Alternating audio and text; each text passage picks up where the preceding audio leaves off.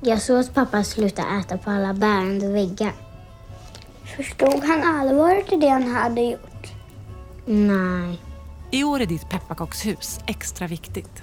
Läs mer på sosbarnbyar.se. Hej och välkommen till SOS Barnbyars podcast. I det här avsnittet kommer vi att prata om vår julkampanj igen, men den här gången med de kreatörer som ligger bakom den. Hur gör man humor av något så allvarligt som det vi jobbar med? Och sen ska vi träffa Marie Ljungstedt. Vår generalsekreterare Anna Ernestam ska intervjua författaren om hennes engagemang i SOS Barnbyar och hur hon ser på medmänsklighet och vad man kan göra som mer privilegierad människa här i världen. Så vi börjar där. Välkomna! Hej Marie Ljungstedt, välkommen hit! Tack så mycket. Jättekul att ha dig här. Jag tänkte innan vi börjar på vårt lilla tema då som är jultema så, så måste jag ändå fråga Arbetar du på en ny bok nu för tillfället? Eller vad är du liksom i, i jag livet just arbetar väl nästan alltid på en ny bok, Ja. höll jag på att säga. Eh, nej, jag håller på med nästa bok i Malaga-sviten, en ny serie som jag startade för ett par år sedan. Det har bara kommit ut en bok så länge innan molnen kommer och nu eh, håller jag på med nästa som ska komma till sommaren. Ja, vad kul. Går det bra? Det går bra, jag tycker själv att det är väldigt spännande. Ja, ja, vad bra. Men så har du ju också varit engagerad i SOS Barnbyar. För du åkte på en resa med oss. För hur Ja, många det år var, sedan det var då? 2012, Ja. så det är nästan tio år sedan. Eh, då åkte jag till Ghana Mm. tillsammans med, det var Lisa Miskovsky, det var Adam Tensta, Ernst Kirchsteiger, Mm. My Skarsgård, eh, Niklas Alexandersson var en fotbollsspelare. Och Mm. Just det. ehm, eh, det var väldigt eh, omvälvande och väldigt starkt Ja. och väldigt fint. Och vad tog du med dig därifrån? Vad, vad har du kvar för minnen? Det hette ju en resa för livet. Jag tänker att du... Eh, Minnena sitter i kroppen. Ja. De är liksom där på något sätt för att stanna, tror jag, hela livet. Eh, när jag tänker på de upplevelser jag hade när jag gick omkring med Lisa Miskovsky där utanför Accra i deras Sodom och Gomorra, den här eh, eh, fruktansvärda boendemiljön då när människor bor på en soptipp. Eller när jag åkte ut bland bönderna med Adam Tensta och hamnade i någon grotta tillsammans med eh, eh, de vise männen i byn. Eller eh, när vi träffade familjer och eh, också när vi träffade Rickard då, en eh, pojke som eh, sen fick komma till en, en barnby. Det var helt, helt fantastiska upplevelser som jag kan plocka fram och jag känner dem liksom i kroppen. Och det som jag tar med mig allra mest tror jag, det är nog den här ehm, egentligen två saker. Dels en vi-känsla som är väldigt, blev väldigt, väldigt stark. Just när man var där och fick eh, träffa de här människorna och uppleva allting och vara på plats. Eh, hur starkt jag kände det här att vi, vi är alla en del av ett sammanhang. Och att eh, stärka den här vi-känslan hos människor. Att det är, det är inte bara vi i Sverige här utan vi är en del av ett världssamfund på något sätt. Och där vi ska försöka ta ansvar också för varandra och för, för helheten. Den där vi-känslan tog jag verkligen med mig väldigt, väldigt starkt. Ehm, men sen också den här känslan av att det faktiskt går att göra någonting. Ehm, jag tror att många kanske känner så här att nej men varför ska jag skänka pengar? Man vet inte hur det går och blir, blir det verkligen någon nytta? Eller, eller det finns liksom ett avstånd mellan själva det som händer i de här länderna som behöver hjälp och, och mellan människor här. Och där tycker jag verkligen att det var så starkt att känna att det verkligen gör skillnad. Det du pratar om tycker jag är medmänsklighet. Verkligen. Ja. Och medmänsklighet, den, ehm, eh, den finns ju på så många platser. Och man kan ju stärka medmänskligheten genom att ha gemensamma plattformar, om man säger så, i livet och i samhället. Där tycker jag vi har ju förlorat en hel del genom att det har blivit mer och mer individualiserat. Vi har tappat en massa offentliga rum, biblioteken, eh, när man liksom till posten, ja, när man träffades på något sätt på de här, i de här små sammanhangen som faktiskt ändå betydde någonting. Fritidsgårdarna eller, eh, eller sådär. Eh, och det har blivit mer individualiserat samhället överhuvudtaget tycker jag. Eh, när människor sitter hemma med datorer och med appar och man trycker på en knapp och så får man det man önskar sig. Så jag tycker nästan till slut kan man nästan sluta leva. Man kan bara trycka på de här knapparna så händer det massa saker. Alltså, där är vi på väg tycker jag, på en lite farlig, farlig väg. Det gäller att inte tappa bort de här gemensamma sammanhangen. Mm. Nej, jag, jag, kan bara hålla med jättemycket. Och, och det är det vi försöker jobba med också, skapa den här känslan av medmänsklighet och att, att det vi gör faktiskt gör skillnad. Och just nu, det vi gör i jul, det är ju ett sätt att försöka skapa den känslan genom att bygga pepparkakshem. Så kan inte du berätta, för du är en av dem som ska göra pepparkakshem och försöka ja, få ihop det till slut. Hur går det för dig? Det här är ju väldigt roligt för att jag har aldrig bakat ett pepparkakshus i hela mitt liv. Trots att jag har två barn och ja. är faktiskt ganska huslig ja. och gillar att baka lussekatter och pepparkakor och så här. Men just pepparkakshus mm. har aldrig blivit av. Mm. Eh, och nu har jag haft en del eh, umbäranden här i mm. mina förberedelser. Mm. Därför att jag har då varit och köpt en, de här, en, en bygg, måste jag erkänna då att jag inte gör det helt från början. Alltså jag gör inte egen pepparkaksdeg och mm. så här, en bygg. Utan jag har faktiskt köpt en byggsats. Mm. Och, eh, och sen har jag då varit på jakt efter eh, eh kristyr. Mm. För man vill ju ha det lite vitt och fint runt mm. fönstren och sådär. Eh, och det har varit slut i alla affärer. Det verkar som att det är värsta jul... Alltså folk verkligen längtar efter julen känns det mm. som. Det kanske har med pandemin och allting att göra. Därför att röda ljus till exempel får man ju knappt tag i någonstans heller. De är också slut överallt. Eh, så den där kristyren har jag letat efter i alltså alltid, alla möjliga affärer. Eh, nu lyckades jag få tag i det igår faktiskt. Så det är ett steg närmare på vägen. Men sen letade jag också efter nonstop igår. och av någon anledning så, så de där, ni vet de här gamla vanliga ja. goda nonstoppen. Ja. Var finns de? På eh, Filmstaden, det brukar finnas på filmbiografen. Jaha, det är kanske där jag ska gå och leta då. Därför att det finns bara de här Det är helt fel. De är bara bruna allihopa. Så att man måste ju ha de riktiga jag. Så att nu har jag varit och letat i en massa färger efter det och inte hittat några nonstop. Så att jag hoppas på det idag. Så att jag kanske kan göra det här pepparkakshemmet ikväll eller imorgon tänkte jag. Ja, det är underbart. Och du är ju inte ensam för att du har med dig ett antal författarkollegor. Det är Mats Strandberg, Åsa Larsson, Kristina Olsson, Lilla Fors, också Johan En.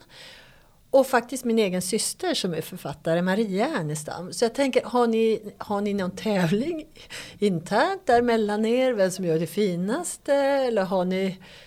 Ja, ja. Nu, vi kanske ska sätta igång det nu. För jag var inte medveten om att alla de här skulle göra pepparkakshem. Men jag kanske ska ringa och få lite tips ja. på vad man ska tänka på när man ska sätta ihop till exempel de här gavlarna och eller så där. köper du upp all nonstoppen så att de alltså, Så de nej, får ingen nonstop? Nej, men jag är, sån, jag är sån generös person ja. så att jag tänker låta dem få göra sina pepparkakshem. Nej, men jag bryr mig inte om sånt där. Jag bryr nej. mig inte om vad andra gör, utan jag mm. gör ju på mitt eget sätt. Mm. Och det kommer säkert bli snett och vint och så vidare. Men det är ju inte det som är det viktiga, nej. utan det är ju känslan faktiskt.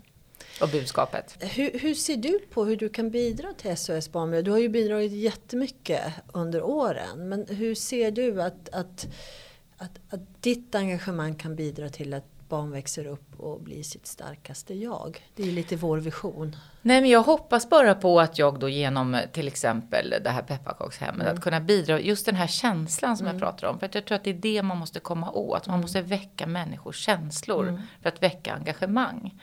Sen kan man läsa hur många fakta som helst, men det är när du väcker känslorna, det är då det börjar hända någonting. Och eh, jag hoppas ju på att det ska kunna väcka känslor och kunna engagera mm. på det sättet. Men det är ju egentligen, jag tänker det är ju också det du gör i dina böcker du vill väl väcka känslor och, och, skapa engagemang när du skriver? Det, det, är väl det du gör? Ja, och, och, det är det, en av de sakerna som jag tycker väldigt mycket om med SOS Barnbyar. Att man tänker väldigt mycket på, det känns i alla fall som att det är en organisation som verkligen värnar om barnen och mm. att barnen ska få vara i ett familjesammanhang försöka jobba för att familjer ska kunna fortsätta leva där de är och eh, skapa förutsättningar för hemmet och att ett barn ska få vara i ett hem. Som mm. när vi var eh, det här för tio år sedan i Tamale då med de här byarna med, med de här kvinnorna som fanns där som var mammafigurer och så. Mm. Det var verkligen så viktigt. Mm. Och jag tycker väldigt mycket om det här, eh, att man ser verkligen barnen. Och det har jag i mina böcker också. Det är, det är ju så här, jag skriver ju kriminalromaner och de ska vara spännande och de ska vara underhållande och så. Men jag har ju också en, en historia jag vill berätta som är djupare. Jag har alltså ett, en drivkraft som kommer ifrån min egen uppväxt och min egen barndom och det som jag var med om då. Mm. där jag hade en alkoholiserad pappa och jag blev mobbad under en period i skolan. Det fanns andra svårigheter i familjen och sådär. Eh, och jag kände mig ofta väldigt övergiven och ensam och utsatt och hade ingen att prata med om eh, olika saker. Och, och därför känner jag som min första bok, den heter ju Den du inte ser. Och det är inte bara det, i början är det dimmigt och det är en kvinna som går på en strand och hunden försvinner i dimman och sen händer det någon gärningsman som rör sig där i, i dimman och så händer otäcka saker. Eh, så det, det, den titeln har ju med det att göra, den du inte ser där i dimman. Men det handlar också om barnet som du inte ser. Barnet som inte blir sett. Och det är väl det som jag har som en drivkraft, det är därför jag skriver. Därför att jag vill väcka föräldrar, jag vill väcka vuxna. Jag vill säga se barnen, hör barnen, se barnen. Och det har jag som en, en drivkraft i mitt skrivande. Tror du att det här att man har varit med om en utsatthet själv, som du säger, gör att man också har enklare till att få den här känslan av medmänsklighet framåt? Att det ligger närmre till hands? Jag tror ju att eh, det är klart att när man själv har varit utsatt mm. så, så är det ju lättare kanske att eh, relatera till andra människors utsatthet och sådär. Men jag tror inte att det är en förutsättning för att man ska kunna vara medmänsklig om man mm. säger så. Mm. Man kan vara medmänsklig även om man har haft en trygg och lycklig barndom mm. och känna att man vill göra någonting för andra. Mm. Eh, det handlar väl mer om vilka värderingar som man har fått när man växer upp. Hur man pratar vid matbordet och hur man pratar om andra människor och hur man ser på, på andra människor. Det tror jag. Eh, sen är det klart att eh, många författare, många eh, sådär, de har ju också ha, har ju ganska mycket i bagaget. Mm. Och det är inte så konstigt egentligen. För att då, det blir ju en drivkraft att berätta. Eh, att berätta om, om sitt eget öde och, och andra människoöden. Så är det ju. Så det är inte så konstigt att många författare har varit med om en del. För jag vet inte hur du känner när du var nere på din resa. Jag kom från Senegal för två veckor sedan och var också en av våra barnbyar och så vidare. Det jag kan känna är just det här med värderingar och hur vi ser på människor i andra länder. Och deras, de har ju en jättestark inneboende kraft. Med lite rätt stöttning så, så grejer de det här. Det är ju jättemycket det tycker jag som är mm. viktigt att förmedla. Mm. Att det är inte så fruktansvärt mycket som behövs. Mm. Och man kan göra väldigt mycket på plats. Eh, en liten gåva kan göra så stor skillnad och det låter jätteklichéartat men att fatta liksom att om vi struntar i chipspåsarna nästa fredag och sen i familjen och så bestämmer vi att vi ger eh, de här hundralapparna till SOS Barnbyar istället så kan ju det betyda enormt mycket om man till exempel lär barnen, visar barnen. Titta här vad som händer. Om vi struntar, vi säger så här i jul, okej men vi tar, liksom, vi tar bort tre julklappar var. Och så skickar vi de här pengarna till SOS Barnbyar istället. Och så, ser vi, så får vi veta vad som händer med dem. Då kan ju det vara en mycket viktigare och bättre julklapp. Mm. Då tror jag faktiskt att många barn också skulle hellre avstå ifrån det där extra snasket för att kunna liksom hjälpa någon i något annat land. Eh, för barn vill ju ofta hjälpa andra och eh, man kan ju avstå från en del, en liten del. Mm. Och det gör sån enorm skillnad. Så det tycker jag är viktigt att, att förmedla också. Mm. Och jag tänker att vi får lite del av den drivkraften Marie när du engagerar dig för SOS Barnbyar. Så jag vill bara tacka dig så mycket för att du ställer upp, för ditt engagemang och för din medmänsklighet. Stort, stort tack Marie. Tack. Mamma sa till pappa att bara slå ihop skiten. Min pappa är också en slarver. Men eh, själva, ska inte Just nu pågår en julkampanj som vi kallar Pepparkakshem. I dagens avsnitt ska vi träffa Theo och Viktor från reklambyrån NordDDB som ligger bakom eh, reklamfilmen som har rullat på tv en tid. Och eh, de ska få berätta för oss hur man kan göra humor av något så allvarligt som barn i utsatthet. Går det ens? Välkomna Viktor och Theo. Tack så mycket. Tack så mycket. Jag tänkte att vi ska prata lite om våran julkampanj och eh, det är ni som har tagit fram liksom konceptet och men först, eh, vilka är ni? Viktor, vill du börja presentera dig? Ja, jag heter Viktor Einarsson och jobbar på NordDDB som copywriter eh, och jobbar då i team med, med dig Theo. Ja, precis. Eh, jag är då Viktors andra halva. Eh, jobbar som art director. Vi kompletterar varandra kan man säga. I skrift och färg och form. Men i grunden är vi då kreatörer och eh, jobbar med att utveckla koncept egentligen och idéer åt företag.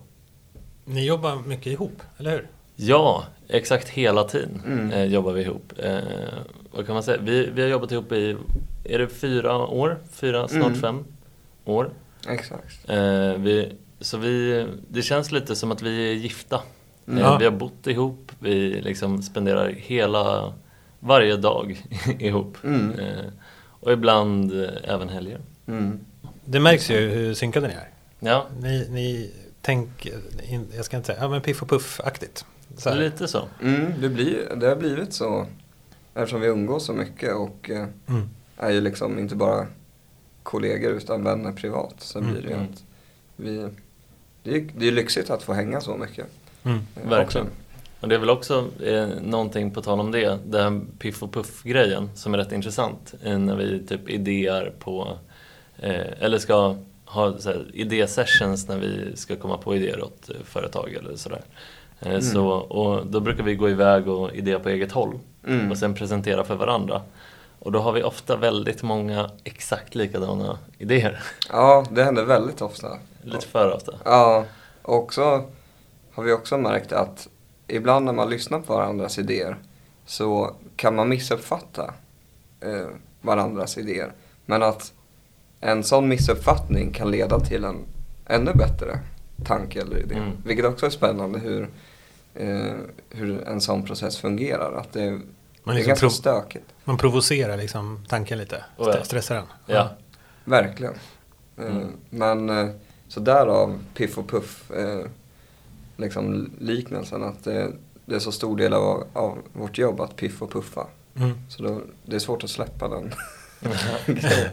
Ni är ju också, ni sitter på NordEDB då, våran eh, byrå som vi jobbar med. Eh, och eh, jag skulle säga att den relationen har ju också förtätats. Mm. Mycket tack vare att vi dels jobbar med er just. Alltså, och eh, den här kampanjen.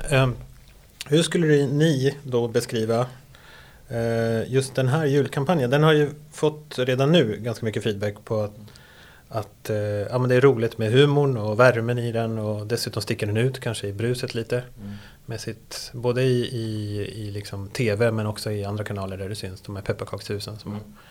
Pelle har fotat. Eh, Be, berätta lite hur processen såg ut när ni fick Mm. briefen som man säger. Ja men exakt. Nej men när vi... Ja men för det första så kändes det otroligt spännande att få jobba med någonting så viktigt i liksom en bransch, alltså reklambranschen som ofta handlar om att sälja, jag vet inte, rakhyvlar eller diskmedel. Eh, så kändes det för oss väldigt spännande att få göra något som, eh, som man kan stå bakom hela vägen. Eh, men också att det är ett allvarligt ämne förstås. Eh, gör ju att man, man tar sig försiktigt fram till en början när man ska angripa eh, ämnet. Eh, men vi kände väl ganska snabbt att vi ville göra något annorlunda. Mm. Så på liksom, eh, utan att göra något liksom fel om man säger så. Men, eh, eller vad säger du Tim?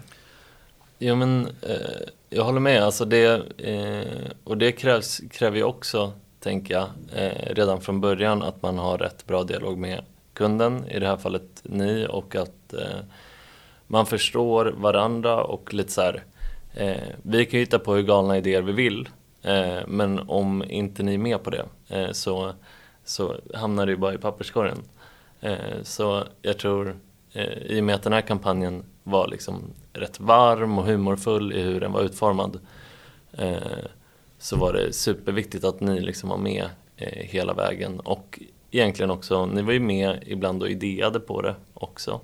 Eh, så jag tror att eh, humorn liksom, humorn, för det, de flesta eh, välgörenhetsorganisationer hade nog sagt nej till humor när det handlar om ett allvarligt, allvarligt ämne.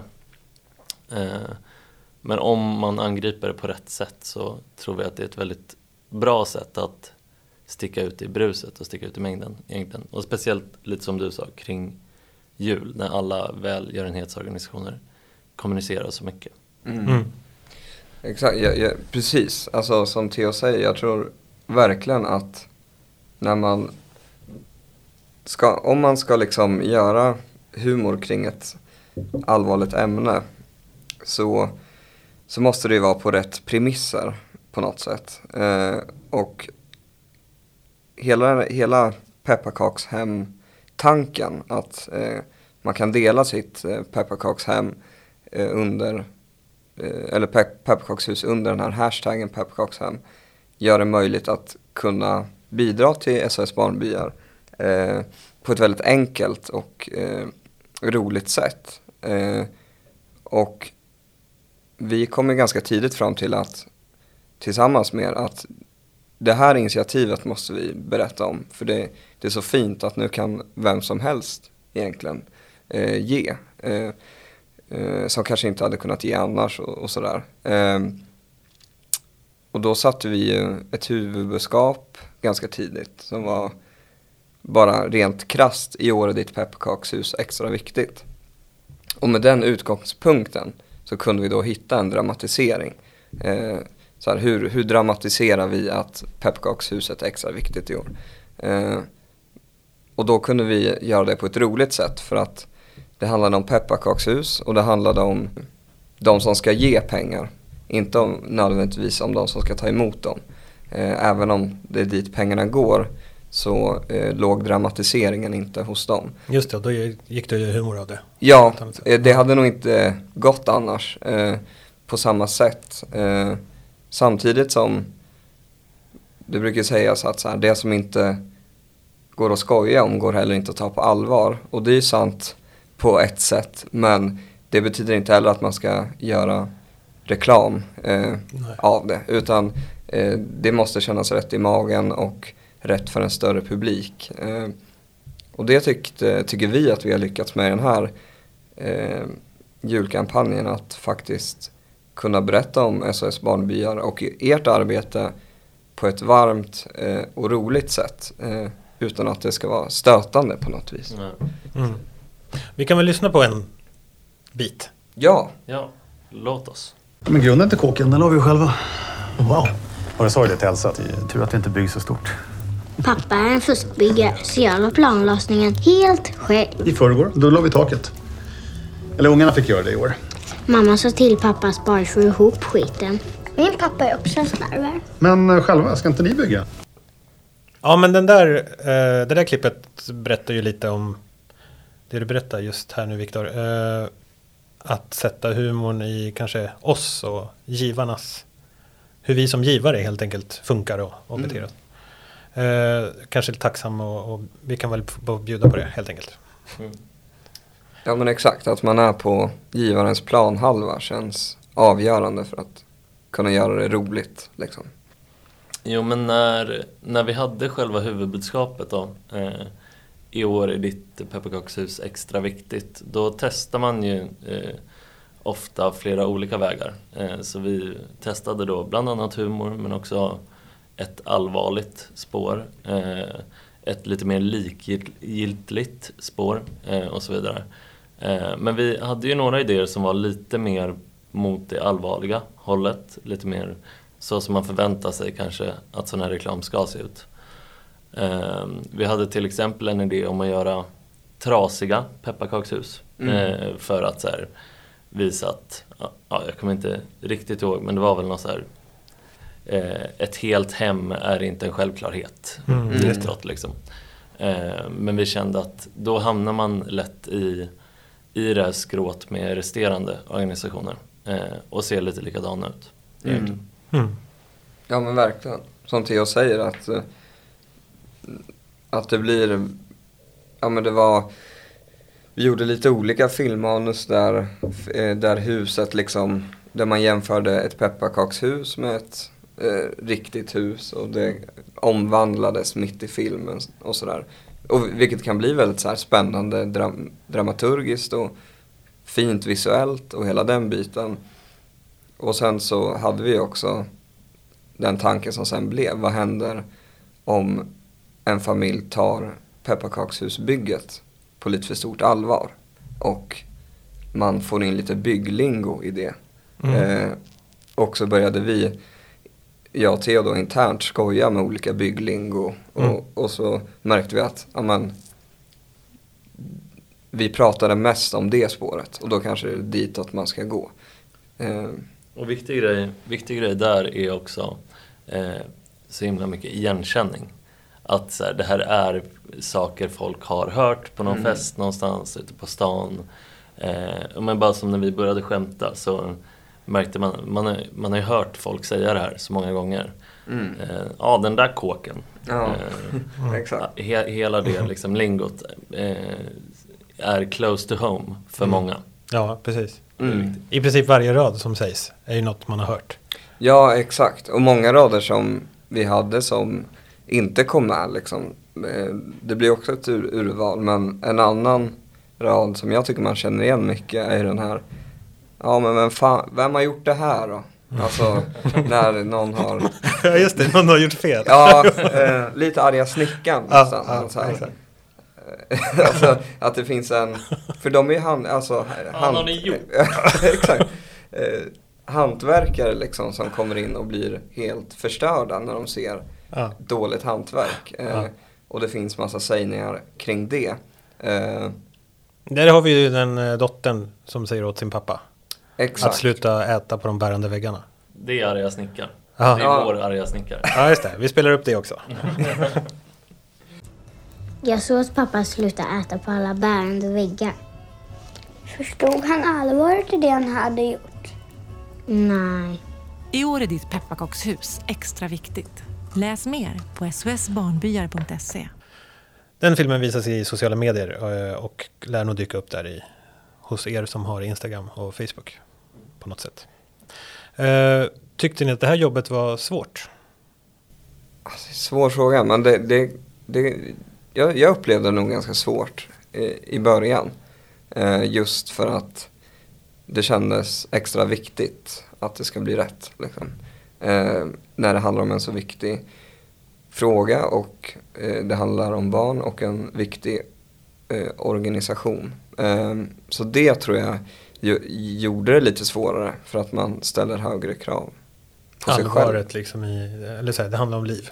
Ja men faktiskt. Ja. Alltså det, gör en stor skillnad eh, när, man- när man eh, tänker. liksom. Eller vad, vad säger du?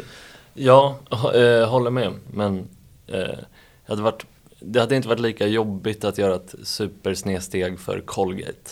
Eh, än som det hade varit att göra någonting som gav SOS Barnbyar dåligt renommé egentligen. Eh, så eh, det, det är, med sådana viktiga frågor är det alltid en balansgång. Och speciellt när man jobbar med humor tycker jag. För då, man vill inte heller paja till något eh, och göra eh, något jätte, alltså en knee-slapper av något superallvarligt. Och där kan vi återigen knyta tillbaks till att vi är hos givaren och inte hos barnen. Eh, men balans, balansgång, eh, rätt svårt men humordelarna i sig rätt lätta. För Mm. Viktor är ett comedy genius. Det är inte, det är inte sant. Men, eh, eh, nej, men jag tror att eh, både jag och Theo när vi både jobbar och hänger privat så skojar vi mycket med varandra. Eller det, det finns en jargong liksom som är skäm, skämtsam. Och när man väl kan utnyttja det i jobbet Ja. Då blir det ju Det är så enkelt. roligast. Ja. det blir roligt och det blir, eh, det faller sig, det är ett litet defaultläge som man kanske har om man har en skämtsam jargong liksom. Eh, så det var skönt att få göra det eh, med någonting eh, så viktigt som SOS Barnbyars arbete liksom. Eh, mm, men annars eh, en, en, en klurig brief eh, tills man har lösningen Kän- Ja. känns det generellt alltid liksom. Ja, jo men så är det förstås. Kommer ni vilja göra det här igen? Utan att eh, lova något. Vi, det ligger kanske inte hos oss att bestämma heller. Ja men definitivt. Alltså vi har ju fått mer smak på eh, speciellt att göra någonting som sticker ut tror jag. Mm. Det tror jag Theo skriver under på också är det viktigaste för oss nästan. Att så här, eh, göra något som faktiskt inte liknar något annat eh, så långt det går att göra något som inte liknar något annat. Men, men att få göra något som liksom sticker ut, eh, för det är det enda sättet också att nå fram i liksom det här bruset som ändå är, eh, eh, som finns idag. Eh, håller med. 100% mer smak. Och mycket efter att man har fått så mycket bra feedback och liksom återkoppling eh, av både liksom av folk som inte är i branschen eller håller på med reklam. Eh, min mormor skrattade högt när hon såg den till exempel. Eh, men också liksom av eh, kollegor och branschkollegor som tycker att eh, det är väldigt uppfriskande att se sån här kommunikation från Mm. eh, ett företag som SOS Barnbyar. Mm.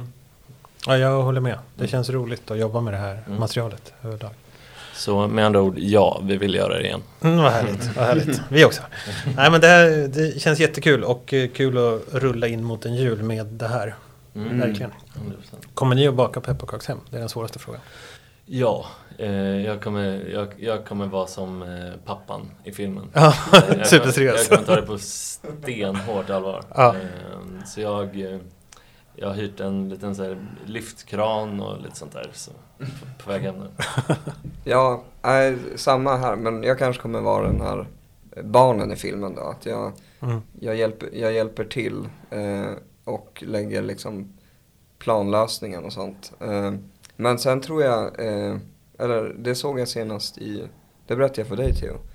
I, igår så såg jag att min syster hade Ja. gjort det här, bakat och lagt upp under pepparkakan. Och det visste jag inte om, det hade hon inte sagt till mig. Så då eh, blev jag väldigt glad och kände att nu, nu är vi igång. Visst är det härligt när familj gör det utan att man bett om det? ja, då, då, exakt. Då vet man att, eh, att det är ens familj kanske också, att de stöttar en. Ja, Eh, exakt.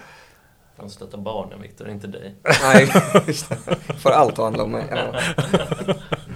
Ja, tack hörni jättemycket för att ni kom. Jag kan säga att jag bakade pepparkakshem med min son här. Och i vanlig ordning så fick han lite bråttom. Och så gjorde vi eh, misstaget att spritsa när allt var monterat. Istället för att spritsa innan man monterar ihop väggarna. Det var en grej jag egentligen vet. Men inte han med. Det visste inte jag. Bra tips. Ja, Good shout. Ta med mig? ta med det där. Exakt, innan du sätter dit gaffeltrucken. ja, hörni, tack så jättemycket för att ni kom, Viktor och Theo. Och eh, på återseende. Tack för att vi fick komma. Ja, tack Mattias. Det här var det tolfte avsnittet av vår podcast. Du hittar alla avsnitt på Spotify, Podcaster och andra plattformar där poddar finns. Och lyssna gärna. Vi har mycket att berätta. Vill du ge feedback till oss så hör gärna av dig på våra sociala medier. SOS Barnbyar heter vi på Instagram till exempel. Tack för att du lyssnade och eh, du eh, glöm inte att du kan ge fler barn ett riktigt hem genom att baka ett i pepparkaksdeg.